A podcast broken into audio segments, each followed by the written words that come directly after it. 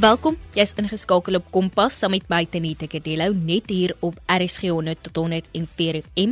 Jy kan natuurlik ook inskakel op ons DStv audio kanaal 813 of inluister op ons webtuiste by rsg.co.za.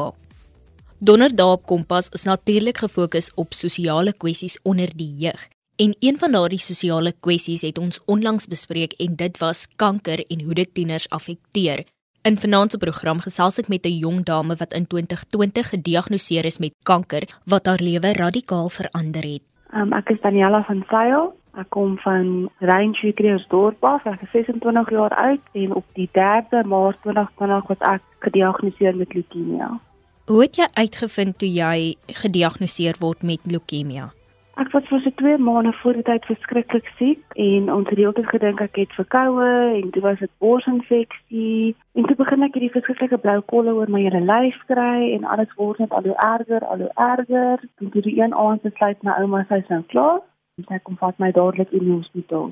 So ehm um, sy het my kom oplaai. Ek het net 'n groot agene gehad en ek het die volgende dag werk gehad. Sy sê gaan ek gaan nie wag nie, ons ek vat jou dadelik hospitaal toe dan dit is nie reg nie kom ons by die Unie Hospitaal uit en die volgende oomblik het die dokter masjiene op my en uh, my ouma het die pad uitgestam en ja, die volgende oggend het die internet vir my um, dis nie goeie nuus nie, hy het aan bloedkanker. So jy was heeltyd gesond en dit het net ewe skielik gebeur of die 2 maande voor? Ja, nee, ek het um, goed geëet, ek het geoefen, um, ek het 'n wenkie, so dis 'n pitbull, ek en hy was baie aktief al my water gedrink, al my vitamiene, ek het nooit siek geword nie. Ek was een van die gesondste mense en dit het letterlik net op my gekom. So die van die nag is die beste manier om dit te beskryf. Ja, dit moes jou seker baie onkant gevang het want jy weet dat jy hierdie aktiewe persoon is en gesond eet en als so hoe het dit dan nou so skielik gebeur? Die eerste ding wat ek my my onkoloog gevra het, dokter Vriel, was is dit my skuld? Het ek iets verkeerd gedoen? Want dit is maar wat jy dink, want op die ouderdom van 26 dink 'n mens nie hy gaan met kanker gediagnoseer word nie. So ek het dadelik in my onderbewussyn net ek gedink okay ek moes iets verkeerd gedoen het en hy het gesê nee, dit is kanker kies wie hy kies en dit is nie maar ongelukkig hoe dit is. Ja, jou gesondheid het bedien speel 'n rol, maar leukemie is 'n ander tipe ding. Hy betref kinders, groot mense, jong volwassenes, dis maar net een van daai dinge. En hoe het jou lewe verander na die diagnose? Kyk, ek is nog steeds besig met my behandeling. So al wat ek eintlik op die oomblik ken van laas jaar af is hospitale en dokters. Dit is maar my lewe en dit is nog steeds so, maar ek is amper van my behandeling. Maar kyk, kanker gaan altyd deel wees van my lewe. Dit is nie iets wat net gaan weggaan. Dit gaan altyd 'n rol speel en my lewe sal nooit weer dieselfde wees nie. En watter impak het dit op jou emosionele welstand gehad? Ehm, um, yes, dis moeilik. Ek gaan nie lieg nie, dis rarig. Ek's 'n baie gelowige mens, so ek sal sê my geloof is wat my gedra het en nog steeds daar. En as nie vir dit was nie, weet ek nie ek emosioneel sou cope met alles nie, veral omdat dit COVID is en ek het net so met my handeling alleen gedoen. Ek het my hare verloor sonder my ma, ek het my eerste chemo gehad sonder my ma. Daar was geen besoekers by die hospitaal nie. So dit was 'n eensame tyd maar dit was ook 'n tyd van um, rarig waardeer wat ek het en om nog te lewe. So emosioneel sukkel ek nog steeds, maar ek ek is bly want ek is een van die gelukkige mense wat my storie kan vertel. Ja, dit is soos jy sê, mense soek gewoonlik jou mense by jou as jy siek is of in 'n hospitaal moet lê en veral vir so lank soos wat jy daar was. Mm. Beslis. Maar jy is baie positief oor alles en baie positief oor die toekoms. Yes, ek is jy het vir 'n operasie gegaan. Ek het 'n beenmergoorplanting gehad. So dis nie 'n operasie nie. Dit is soos 'n bloedoortapping, maar dan ehm um, ontvang jy nuwe stemselle. Baie ingewikkelde proses. En baie mense dink dit is 'n operasie, maar dit is nie. Jy swakker. Dit is 'n sakkie stamselle wat hulle vir jou gee deur jou bors en dan kry jy basies nuwe beenmerg. Jy luister nog steeds na Kompas op RSG 100 tot 104 FM saam met my Tenita Kadello en ons gesels met Danella van Sail om uit te vind hoe haar kankerdiagnose haar lewe verander het. Danella, kan jy bietjie vertel hoe dit was met die chemoterapie, jou pad met dit? Dit was verskriklik moeilik. Dit was regtig verskriklik moeilik want hoe dit werk is, hoe meer sessies chemo jy kry, hoe erger word dit, hoe moeiliker word dit, hoe swakker word die mens hoe erger word die side effects. Um, ek het verskriklik gesukkel met die naarheid. Ek het sepsis opgetel in die hospitaal. Um 'n verskeie infeksies gehad. Dit was regtig moeilik. Chemo is nie 'n maklike ding nie, veral vir leukemie pasiënte want ons het geen immuunstelsel nie, so ons word verskriklik vinnig siek. Vir iets soos 'n um verkoue vir ons die dood kan beteken. So chemo was nie vir my die maklikste ding nie en ek het sewe rondes gehad daarvan. Sjoe, en 'n mens het al die ondersteuning nodig wat jy kan kry in daardie tyd. Ja natuurlik. En hoe is die ondersteuning van jou mense? Kyk, my ma is my beste beste vriendin en sy was die hele pad saam met my. Sy was nie fisies by my nie, was sy sy was emosioneel die hele tyd daar vir my, sy is nog steeds. En daar's soveel mense. Ek is deel van 'n van 'n kankerprojek, um Philosophy Cancer Project. Dit is 'n klomp jong mense wat gediagnoseer is met kanker en hulle is amazing. Hulle staan mekaar deur dik en dun by dan so um al my vriende, vriendinne, my hele familie. So ek moet sê ek is ek is regtig gesteun in daai opsig. Ek, ek is nooit weer iets alleen te gaan. Ek kan my foon opstel, ek kan iemand bel as ek wil praat. So um ek is gelukkig in daai opsig. Ek is ek is glad nie alleen nie. Ja, en dan ons moet nou nie vergeet van jou hondjie ook nie. Ja. Dit sê en daar's niks so lekker om te weet dat jy het ondersteuning, jy het mense aan jou kant nie. Ja nee, dis waar en dan dink ek ook aan die mense wat dit nie het nie en wat nie verstaan waar hulle gaan nie en wat nou net gediagnoseer is. Dis regtig 'n bitter moeilike ding. En wat het hierdie hele proses, wat het dit vir jou geleer? Dit gaan so klisjé klink, maar dit is net die reine waarheid is dat ons moet geluk vind in die kleinste goedjies. Kyk as mense dink ons heeltyd aan die volgende ding en wat is ons gesegde ons jaag na die wind. En um, hierdie hele ding het my net laat besef dis die kleinste goedjies waar die meeste geluk vandaan kom. Ek bedoel, daar was maande wat ek nie ietsie simpel soos joerg kon eet nie. En 3 weke terug het die dokters my gesê, "Oké, jy mag nou weer begin joerg eet." En dit was vir my so spesiaal, miskien met joerg, maar vir my is dit ietsie wat weggeneem was van my. Nou is dit skielik terug en dit is wat my nou gelukkig maak. Ek kwaliteit tyd saam met jou gesin, 'n blommetjie in die tuin. Jy weet, regtig die klein goedjies in die lewe. Ja, en ek dink ook dis belangrik om te onthou dat ouderdom gaan nie bepaal of jy kanker kry en of jy dit nee. nie kry nie. Nee, glad nie. Ek bedoel, terselfdertyd toe ek gediagnoseer is, was daar 'n babietjie. Hy was ek dink hy was 7 maande oud. Hy is ook gediagnoseer met leukemie en um, dan sou weer 'n vriend wat ek ontmoet het en hy is in sy 40. Hy kom uit ek is 26. So dis niks te doen met mense ouer doen nie. Danila, watter raad sal jy vir ander jong mense gee? Jy weet ons lewe mos maar in 'n tyd waar jy jy's gejaagd vir alles. Ja nee, dit is so. Ek gaan maar net sê geniet elke oomblik van jou gesondheid. Vir alles jy gesond is en jy weet jy kan byvoorbeeld oefen of kan stap, aktief wees, geniet dit, geniet jou gesondheid en waardeer dit want dit regtig een van die grootste geskenke in die wêreld wat jy kan hê om gesond te wees. Ek bedoel kyk nou veral met hierdie COVID pandemie. Wees positief en kyk na jouself. Ek dink net ons moet almal besef hoe belangrik dit is om gesond te wees water te drink, om jou vrugte te eet, die klein dingetjies wat ons nie meer doen nie. Ons so maklik om die foon of die tel in 'n takeaway te bestel. Soveel goed hoekom jonger mense kanker kry. Dit is die kosse wat ons eet. Ons lig is vuil. Daar's daar soveel dinge wat bydra. So as mense bewus is van hierdie dinge en jy weet wat om te doen en wat om nie te doen, kan jy miskien net die die kans daarvan so 'n bietjie vir jouself verminder as jy weet daar is 'n moontlikheid. En wat hou die toekoms nou vir jou in? Op die oomblik wat ek net my behandeling klaar maak, ek het nog meeste van hierdie jaar wat ek ek sien my onkoloog elke week, elke Woensdag sien ek hom. So ek het nog miskien die res van hierdie jaar oor vir behandeling en dan daarna wil ek net weer selfmatig in die samelewing inkom, weer terug gaan werk, toe weer aktief word met ander mense werk en praat wat dieselfde gaan wat nie verstaan nie. Ek bedoel ek wil dit my wysheid oordra aan ander mense lei. Ek het dit al klaar begin doen, veral met daai kankerprojek van my werk. Want aan ons baie mense wat eers skielik dink oor dis dood, hulle gaan dit nie oorleef nie. Baie mense doen nie. En baie mense doen en die mense wat doen, ek dink ons het 'n verantwoordelikheid om om ander mense te help en so saam te staan. En in die woorde van Daniela, daar is hoop, daar is altyd hoop. Ons moet eenvoudig net weer onthou om die klein dingetjies te waardeer en ook te vier in die lewe. Dan is daar natuurlik ons gasaanbieder Elisna Kili wat ons elke donderdag aand bietjie meer leer oor boeliegedrag in skole. Elisna se gesprek met dokter Kromhout gaan hierdie week voort. Ons gesels weer met dokter Sander Kromhout en ons is bevoorreg om 'n forensiese kriminoloog saam met ons in hierdie program te hê wat kan help in die ontwikkeling en die opvoedkunde van 'n kind op 'n gesonde wyse.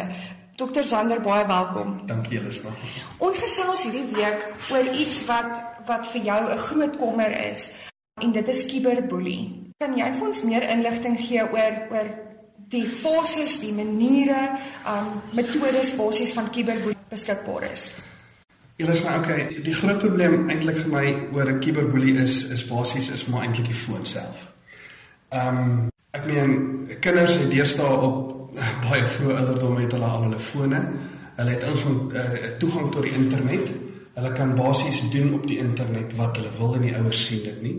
Ek meen dis nie asof hulle gebeperk is met hulle data ook nie. Party meeste van hulle het wifi het uncapped wifi so hulle kan basies in hulle fone ingaan en hulle kan gaan doen net wat hulle wil. Die fone word nie dopgehou nie wat vir my die groot probleem is. So ons geen toerekeningsvatbaarheid oor wat ek doen, waarna ek kyk en waarna ek blootgestel word nie. Ek dink ja. byvoorbeeld aan aan aan um dogters en seuns wat op 'n vroeë ouderdom 'n uh, 'n Facebook of 'n Twitter profiel het of selfs toegang tot TikTok het waar al die challenges, uitdagings gedoen word. Ja, ehm um, kyk daar is 'n daar is 'n app wat die ouers kan gebruik om om die kinders bietjie meer dop te hou. Dis Family Link. Ehm um, die ouers kan dit gaan download. Ek weet nou nie ek is amper seker dat dit jou WhatsApp ook kan dop maar dit kan jou jou search history op die internet ehm um, het die ouers toegang tot toe en hulle kan dan toestemming gee vir die kind mag na daai site toe gaan of hy mag na daai site toe gaan. Is is is eintlik die, die die tyd op die foon wat die kinders het.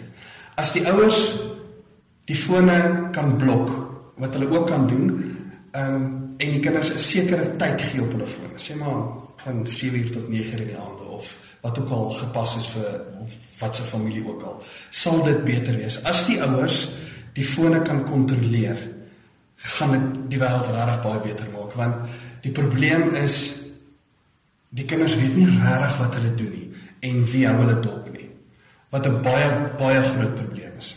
Ons het nou juist gesels oor die agtergrond en en die kennis wat jy het in terme van geweldsmisdadigers. Baie kinders, as ons praat van boelie in die ergste vorm, word dan bossies byt as jy dit in Engels kan kan stel vir 'n um, 'n reeks moordenaar of vir 'n pedofiel op hierdie platforms.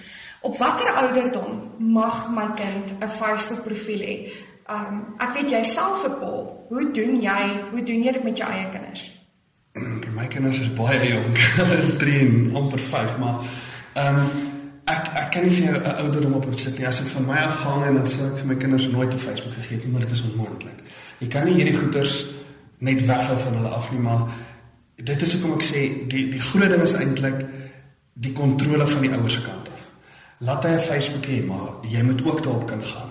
Jy moet die kind se paswoord hê. Jy moet enige tyd van die dag wat jy lus is, moet jy op dit kan gaan. Jy moenie vir hom sê, "Oké, kom ons gaan gou-gou op jou Facebook nie."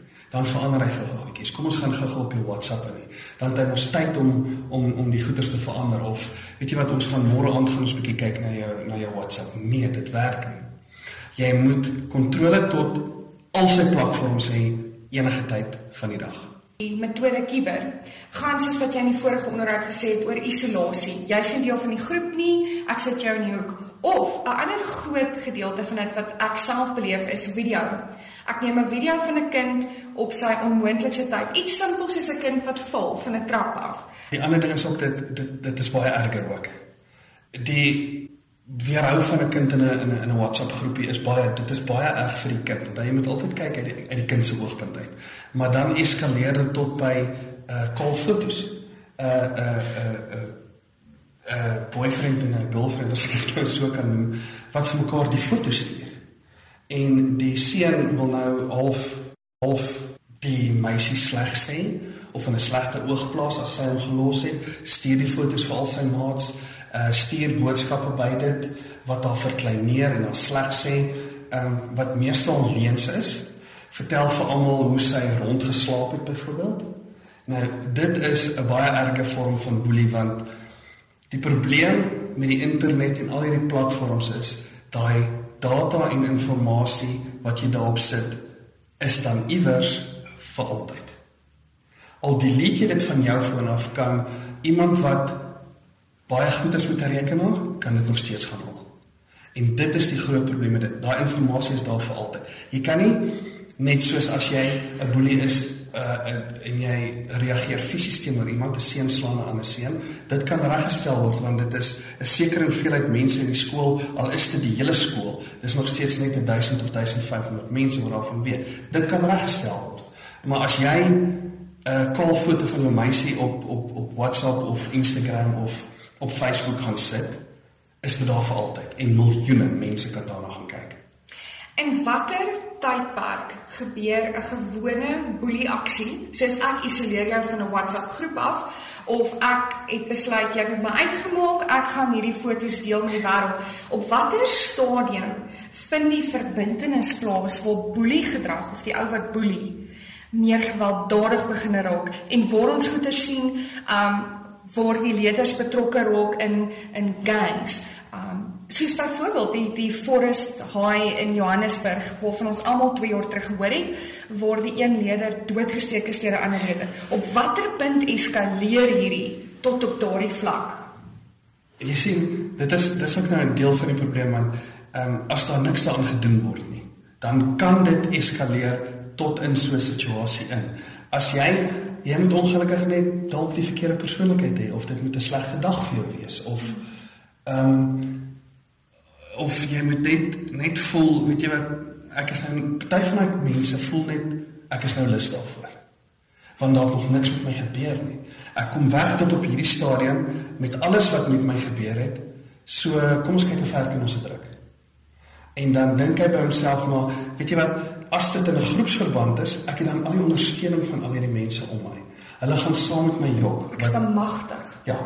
Ek het ek hulle gaan saam met my jok. Hulle gaan saam met my staan wat gewoonlik dan nie die geval is nie.